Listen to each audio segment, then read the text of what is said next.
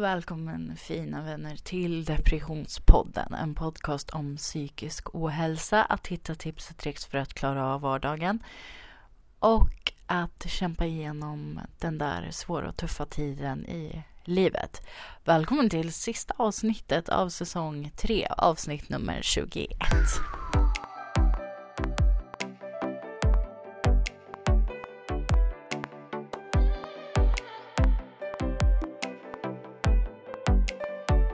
Idag när jag spelar in det här är det 2 maj. Det är äntligen maj och det är äntligen officiellt vår. Hur känner ni er? Känner ni att eh, våren kommer nu med något positivt eller är ni sådana som inte tycker om värmen? Eh, det är många som har liksom säsongs eh, årstidsdepressioner där ute. Eh, och jag berättade ju om det i höstas att jag jag eh, har ju säsongsångest eh, men jag mår dåligt på hösten när det blir kallt och när det blir mörkt och när det är liksom så här tråkigt och när det nästan känns lite dött ute. Eh, just under den här perioden när vi går in i maj och när vi kommer till juni och juli, augusti. Det är då som jag mår som allra, allra bäst. Så att det ska bli så skönt nu när vi kommer till så ljusa tider, solen liksom värmen när jag är ute och allting bara växer och får liv igen. Eh, det här är sista avsnittet av säsong eh, tre. Och avsnitt 21. Eh, Stina kunde tyvärr inte vara med mig idag för att jag skulle egentligen spela in det här i onsdags och då skulle Stina vara hemma hos mig. Men när jag vaknade i onsdags så hade jag ont i halsen. Eh, och då bestämde jag och Stina tillsammans att nej, eh, på grund av pandemin och liksom på grund av smittorisken så ja, tog vi liksom det säkra före det osäkra såklart och eh, ja, bestämde oss för att inte umgås mera då. Liksom. Men hon kommer självklart eh, tillbaks senare. Eh, I höst blir det nog då. Eh, det här är som sagt avsnitt 21. Det här är sista avsnittet på den här säsongen och nästa säsong är en helt ny speciell sommarsäsong. Jag har ju aldrig haft en sommarsäsong längre för den här, den här podden har ju bara haft 21 avsnitt så att sommaren har aldrig visat sig på podden förut. Eh, sommarsäsongen kommer bli lite annorlunda. Eh, den kommer bara utgå ifrån andras berättelser, erfarenheter och eh, tankar. Eh, sommarsäsongen kommer vara som eh, sju stycken sommarprat. Eh, då det är kompisar och eh, personer eh, som har velat vara med i podden som kommer att få göra sina egna små sommarprat och jag är, jag är jättetaggad på att få höra det. Eh, det ska bli jätte, jättekul och det finns fortfarande några platser kvar till sommar säsongen. Så om just du vill vara med eller om du känner någon som du tror eh, vill vara med och prata i sommarsäsongen och göra ett eget litet sommarprat på 30 minuter så skriv gärna till mig så tar vi det därifrån. Eh, ja, men det här avsnittet som sagt, jag tänkte ju att jag skulle prata lite eh, med Stina, läsa lite ur min bok och så. Eh, och jag har ett kapitel kvar eh, som heter Allting blir bättre på gymnasiet ifrån min barndomstid eh, från boken. Eh, liksom biografidelen typ. Och den är, det heter Allting blir bättre på gymnasiet.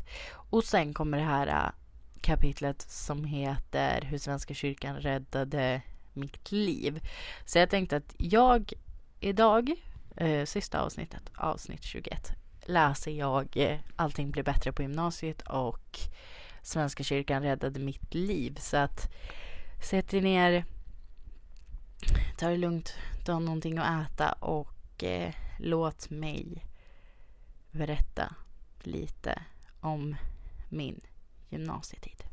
Allting blir bättre på gymnasiet, sa kuratorn till mig på det sista samtalet innan jag skulle lämna högstadiet och börja på gymnasiet. Att välja vad man vill göra i framtiden i åttan och nian kan vara det svåraste jag har gjort. Jag förstod inte då att gymnasiet inte behövde vara något som man gick på för att sedan få jobb direkt efter. Jag förstod inte då att man kunde byta program efter man har kämpat igenom ett år av ångest, oro och magont. För det var precis vad som hände. Jag började år 2011 på restaurang och livsmedelsprogrammet på en rätt stor skola där det var många skolor igen och jättemånga olika program på en, annan, en enda skola. Där gick det sportnördar, pluggisar, framtida kockar och receptionister.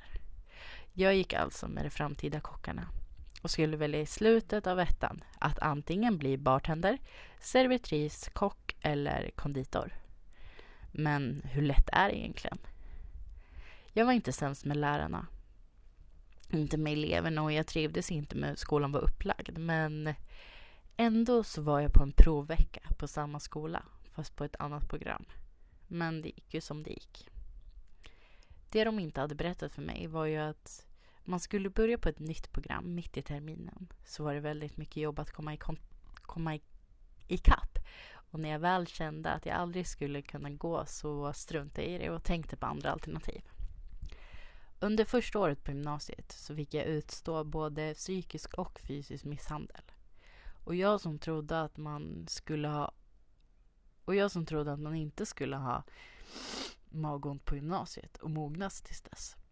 Efter att ha blivit kallade saker av en person i min klass, blivit kallad lat, skolkare, ful och hora, så fick jag nog. Jag skulle göra något åt det. Jag hade aldrig ens haft sex, så hur skulle jag då kunna vara en hora? För att försöka förändra andra sätt att se på mig så skulle jag ta drastiska åtgärder. Jag skulle börja träffa killar. Eftersom att det gick så mycket olika folk på denna skola som jag aldrig hade pratat med och som inte kände mig så var det inte så svårt att försöka be bete mig lite sexigare och bättre än vad jag egentligen var. Jag började titta sexigt på killarna i korridoren och vara lite lösaktig för att se knullvänlig ut. Nu när jag tänker på det så är det helt sjukt att jag tog åt mig så mycket av vad alla andra sa. Men det var så det var för mig när jag var 15 år. Och det var det som jag kände att jag behövde göra då för att bli rätt, helt enkelt. Det fanns en kille som jag brukade prata med lite extra. Vi skrev sms till varandra och umgicks på stan efter skolan. En kväll så skulle vi vara hemma hos honom. Och eftersom att han hade glömt nyckeln inne så skulle vi vara i hans cykelförråd tills hans mamma kom hem och kunde låsa upp dörren. Innan jag fortsätter så behöver jag berätta att under resten av den här sidan och förmodligen nästa sida så kommer jag att berätta något hemskt. Så om du känner att du inte vill läsa och nu i podden inte vill lyssna så spola fram. Väl i killens cykelförråd så satte vi oss ner på golvet och pratade. Förrådet var mörkt och eftersom att lampan hade rörelsesensorer så släcktes den ganska snabbt efter att vi hade satt oss ner. Det var kallt och höst ute så kläderna som vi hade på oss gjorde oss snabbt svettiga i det trånga utrymmet. Jag tog av mig jackan och hade bara ett linne under. Innan jag knappt hade lagt jackan på golvet så hade min urringning blivit hans största del av synfältet.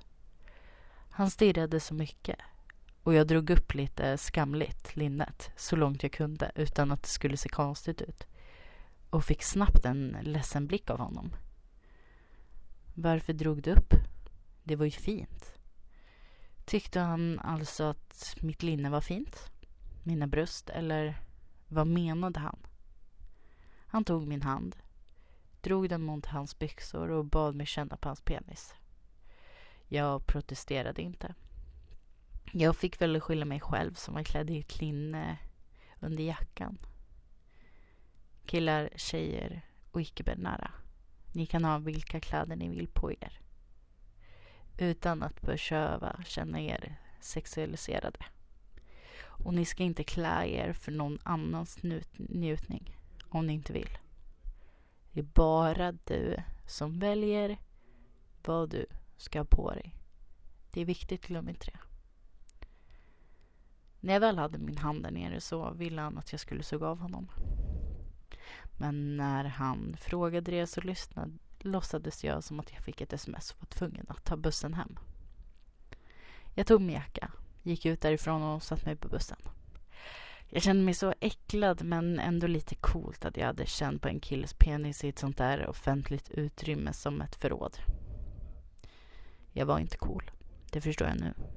Det slutade inte här med att han ville att jag skulle ta på hans penis eller skriva sexiga sms till honom.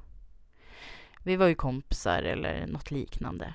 I samma klass gick vi i alla fall och eftersom att han ansågs som snygg så var ju jag bara tuntig om jag inte ville ligga med honom.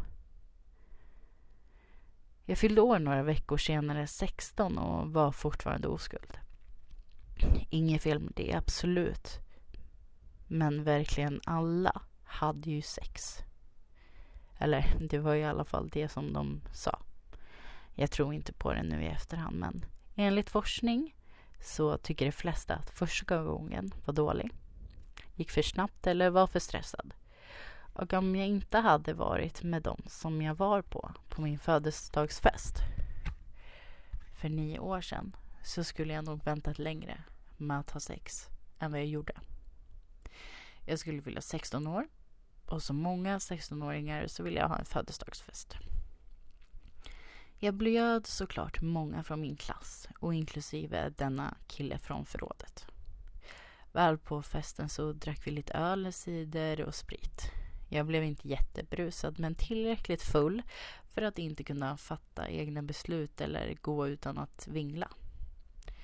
Festen pågick för fullt utanför dörren och inne i mitt sovrum så hände det som skulle följa med mig resten av livet som den kvällen jag förlorade oskulden. Jag räknade egentligen inte detta som att förlora oskulden då jag var ganska omedveten i stunden vad som pågick. Men enligt andra så var jag inte oskuld efter den kvällen. Jag låg i sängen och kysste förrådskillen. Han smekte mig lätt på brösten och efter att jag visste ordet av så hade hans fingrar glidit ner till mina trosor. Jag låg där och han frågade om vi skulle göra det. Jag svarade inte. Han bad mig räkna upp alfabetet för att kontrollera att jag var för full för att veta vad jag håller på med. Men eftersom att jag kunnat alfabetet sedan jag var typ fem så skulle jag kunna repetera det i sömnen. Alltså jag menar det är inget konstigheter med att kunna alfabetet om man blir väckt mitt på natten om man är 16 år. Han frågade igen om jag ville och jag svarade inte. Eller så sa jag ja. Vad sa jag egentligen? Vad gjorde jag? Han bestämde i alla fall att vi skulle ha sex. Efter att han både hade kontrollerat att jag kunde repetera alfabetet, vilket var ganska sjukt. Och inte fått ett nej som svar på hans fråga. Mina trosor åkte av. Hans kalsonger försvann och något hårt trängde in i mig. Jag var inte ens våt. Jag var inte ens fuktig så chansen att vara lika obekvämt för honom som det var för mig var stor. Han låg med mig, en 16-åring full tjej som han hade makt över. Efter det här så manipulerade han mig för att få mig att tro att det var jag som bönade och bad om sex. Han använde sig också av psykologi på mig för att ändra mina tankar om våldtäkt. Jag stod fast i att han hade våldtagit mig och gör det än idag. Ingen trodde mig för varför skulle han som var så snäll våldta sin kompis på hennes födelsedagsfest när alla andra var i vardagsrum och dansade. Det är fruktansvärt att det går runt så många människor som har blivit sexuellt trakasserade och misshandlade av en manipulerad man i sin närhet. Eh, jag ångrar mig att jag inte anmälde denna händelse, men hur skulle det ha gått till? Vi gick i samma klass, jag var 16 och hade egentligen inga bevis på att händelsen faktiskt hade inträffat så ja, jag struntade i det. Flera år senare så skrev han till mig och undrade vad han ville. Han frågade hur jag mådde och jag svarade med att jag absolut inte ville ha kontakt med någon som har våldtagit mig. Han skrev direkt att det har aldrig hänt och om jag skulle anmäla er så skulle jag åka dit för förtal eftersom att jag hade anmält händelsen som inte hade inträffat. Han nekade också flera gånger att vi hade haft sex, att jag ens hade rört hans kön och att vi ens hade kysst varandra. Helt sinnessjukt tyckte jag att det var. Men tydligen var det bara jag som hade gjort fel i detta och han var helt oskyldig. Om du lyssnar på det här just nu och har blivit utsatt för detta eller liknande händelser så råder jag dig att anmäla detta direkt. Jag vet att det är jättesvårt och även fast det är någon i närheten så du behöver i alla fall prata om det. Jag vill inte att det ska gå runt våldtäktsmän på våra öppna gator som kan göra någon annan till offer igen. Efter mycket mobbning i min klass, denna händelse och dålig kontakt med lärarna så bestämde jag mig för att byta skola och program helt. 2012 så började jag på barn och fritidsprogrammet på en ännu större skola som låg mitt i city, men som kändes som ett mycket bättre alternativ för mig. Jag trodde såklart att jag skulle bli av med mobbningen när jag bytte skola, men det följde efter mig och jag fick istället för ord sms, Facebook-meddelande och samtal. Jag tröttnade snabbt på detta och blockerade alla som jag inte ville ha någonting att göra med. Och istället försökte jag få nya kompisar i min klass. Vilket jag lyckades med. Precis som i grundskolan så hade jag svårt att bara umgås med ett gäng och var istället med flera olika. Och såklart fick jag lite skit även på gymnasiet för det. Det var ofta folk som sa åt mig att jag inte kunde gå från grupp till grupp och att det var konstigt att jag inte kunde nöja mig med ett gäng. Men det var ju sån jag var och fortfarande är. Jag vill tacka mina vänner jättemycket på gymnasiet för det roliga som vi har gjort och för att ni hjälpte mig att ta mig igenom de dåliga perioderna som jag hade på gymnasiet. Alltså ni, om det är någon som lyssnar på det här och som gick på gymnasiet tillsammans med mig på eh, barn och fritid på Rubäck. Tack så jättemycket. Ni är guld värda. Nu har ni fått veta lite om min skoltid och barndom. Jag tror att mycket av det som har hänt mig i skolan och på fritiden har präglat mig till den jag är idag. Mycket av det som har hänt har nog fått mig att må sämre nu som vuxen. Även om hela min skoltid varit problemfri. Det är mycket av det som jag har berättat om som har fått mig att bli till den personen som jag är idag. Rätt så fördomsfri, människokännare och empatisk. Jag önskar bara att det hade funnits en vuxen i min närhet när jag var barn. Som alla de vuxna som jag har runt mig nu. Som har stöttat mig i livets alla svåra val. Och en vuxen i min närhet, då räknas inte mina föräldrar. Jag menar liksom någon annan. Det, det är också viktigt. Nu, det där var min gymnasietid. Jag sa att det kunde vara triggande. Så om det är någon som har eh, som inte lyssnade på den här med gymnasietiden och har spolat fram till nu så tänker jag säga att nu kommer det mindre triggande för nu tänkte jag läsa kapitlet som heter Svenska kyrkan räddade mitt liv och eh, det är bara positivt. Det är bara sköna vibe i det här så att japp, nu kör vi.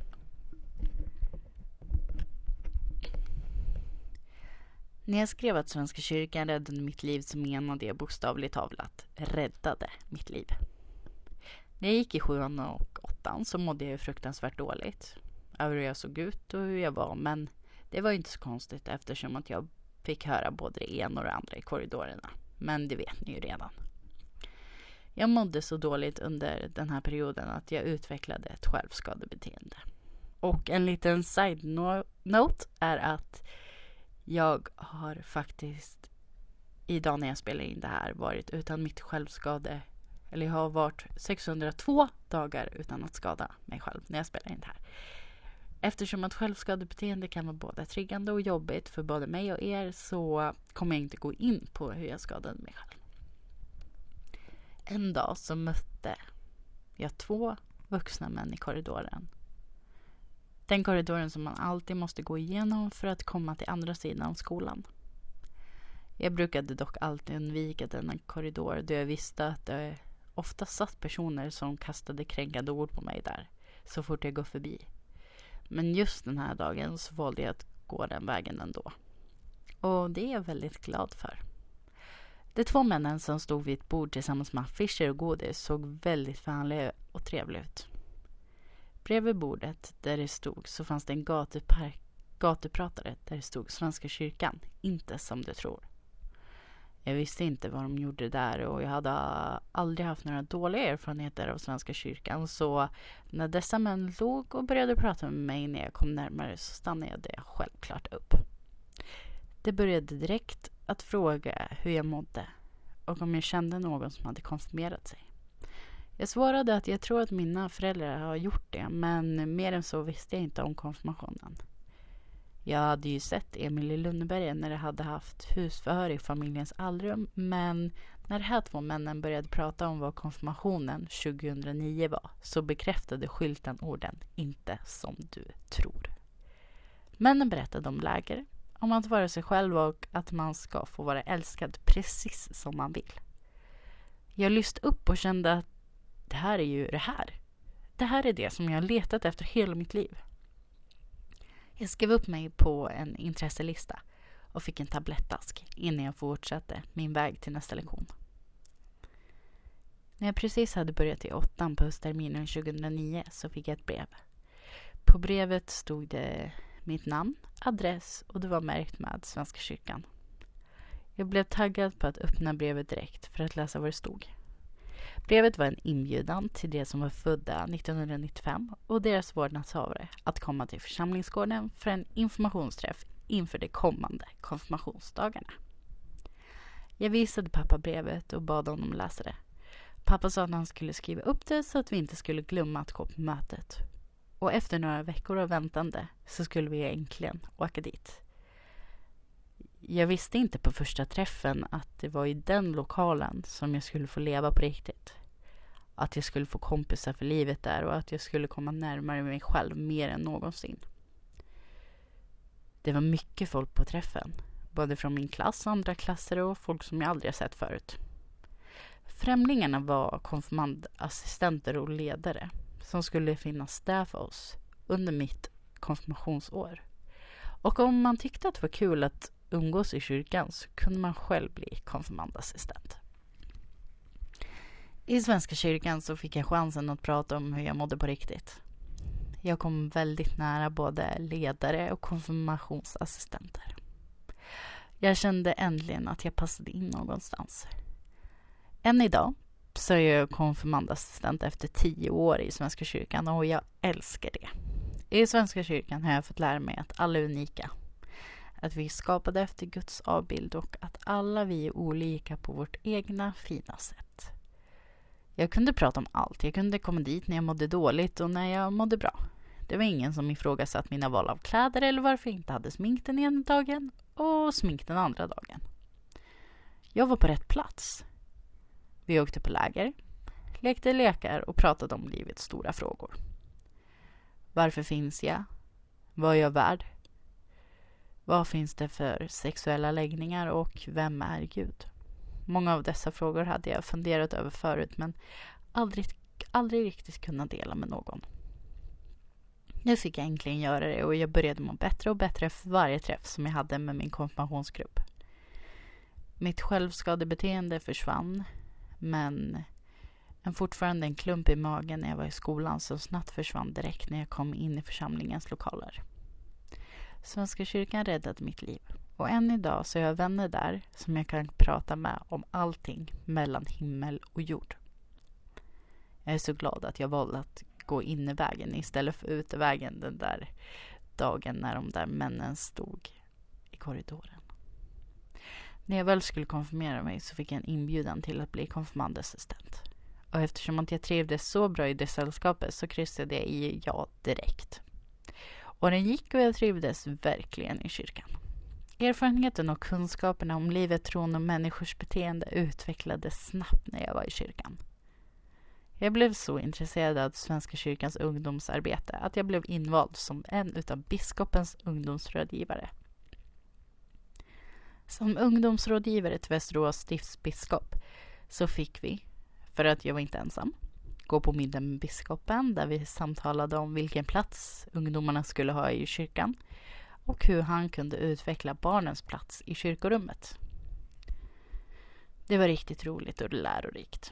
Jag träffade mycket olika folk, både kändisar och vanliga människor. Mitt jobbigaste val som ungdomsrådgivare var när vi fick en inbjudan att åka till Mosambik, som är ett land som ligger nära Sydafrika.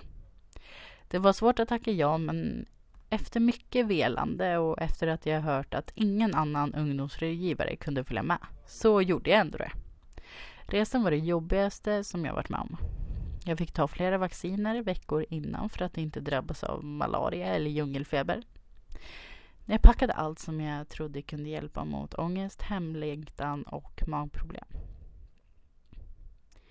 När planet hade landat och vi kände den heta värmen så var det lite härligt men väldigt skrämmande. Nätterna bestod av ångest och hemlängtan. Mina medel för att må bra tog slut snabbare än förväntat och vi skulle vara där i en vecka. Jag grät på kvällarna och berättade för resten av gruppen hur jobbigt det var att vara så långt hemifrån där jag inte kunde vare sig språket eller kulturen.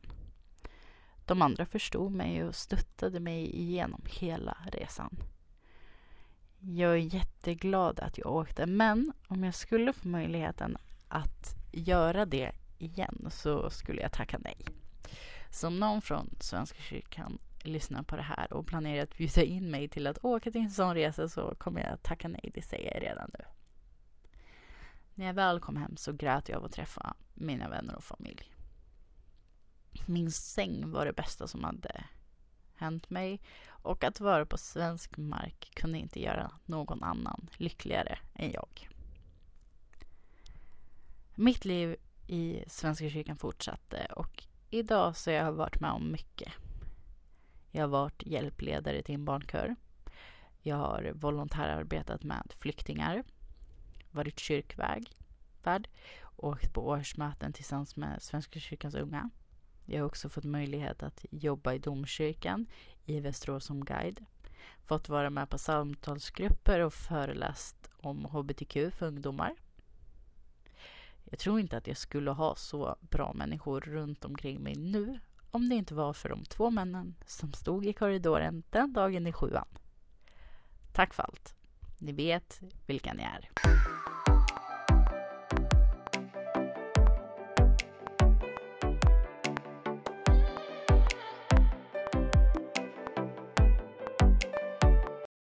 Nu har ni fått höra det också. Gymnasiet och hur Svenska kyrkan räddade mitt liv. Tack så jättemycket för att ni har lyssnat på det här avsnittet och för att ni har hängt med hela säsong 3. Jag tänker avsluta den här säsongen med att läsa en sida ur min bok som är ett brev som heter Brevet till dig som kämpar. Och tack så jättemycket för att du har lyssnat på avsnitt 21 av Depressionspodden. Nu kommer brevet. Hej på dig. Hur är det? Skulle jag inte ha frågat det? Är det så dåligt att dina läppar börjar darra och dina ögon tåras av den frågan? Jag förstår dig. Så var det för mig också. Jag vill bara berätta att vad som än händer och vad du än känner nu så är det inget farligt. Det är inte farligt om du känner att klumpen i ditt bröst aldrig försvinner. Det är inte farligt om du känner dig otillräcklig och dålig. Det är okej. Okay. Det är okej, okay, det är okej okay att må som du mår. Och du måste veta det. Du måste veta att du är helt otroligt fantastisk. Och att du är en underbar människa som alltid kommer att vara älskad. Det finns tider i livet då allting känns hopplöst. Och om det är något värt, men vet du, det blir bättre. Det kan jag lova dig. Jag vet att det kan kännas som att det jag kommer skriva nu bara osanning för dig. Jag vet att du inte kommer tro mig när jag säger att det blir lättare, men det kommer bli lättare. Man brukar säga att tiden läker alla såren och det är faktiskt sant, men det kan ta lång tid. Det kan ta lång tid att komma över den där personen som du älskade mest över allt annat. Det kan ta lång tid att acceptera att någon nära dig har lämnat livet. Och det kommer att ta lång tid att läka det sår som dina mobbare har lämnat. Det kommer ta tid, men du kommer må bättre. Jag vet. Alla dina tankar alltid kommer finnas kvar för alltid. Jag vet att du aldrig kommer glömma det de en gång har sagt och det som en gång har hänt. Men det handlar inte om att glömma. Det handlar om att acceptera och att kämpa. Du behöver kämpa för att klara de svåra tiderna i livet och du behöver be om hjälp om du inte kan hjälpa dig själv. Du ska inte behöva kämpa så mycket tills du inte orkar mer. Du kommer att behöva be om hjälp innan det är för sent. Du behöver inte vara andra till lags. Du behöver inte tro på allt som alla säger. Du är den som du vill vara. Du behöver ta hand om dig själv. Ge dig själv tid att hitta dig själv och börja älska dig själv. Detta är saker som är lättare sagt än gjort. Men av att ta hjälp av andra så kommer du att klara allt. Du är viktig.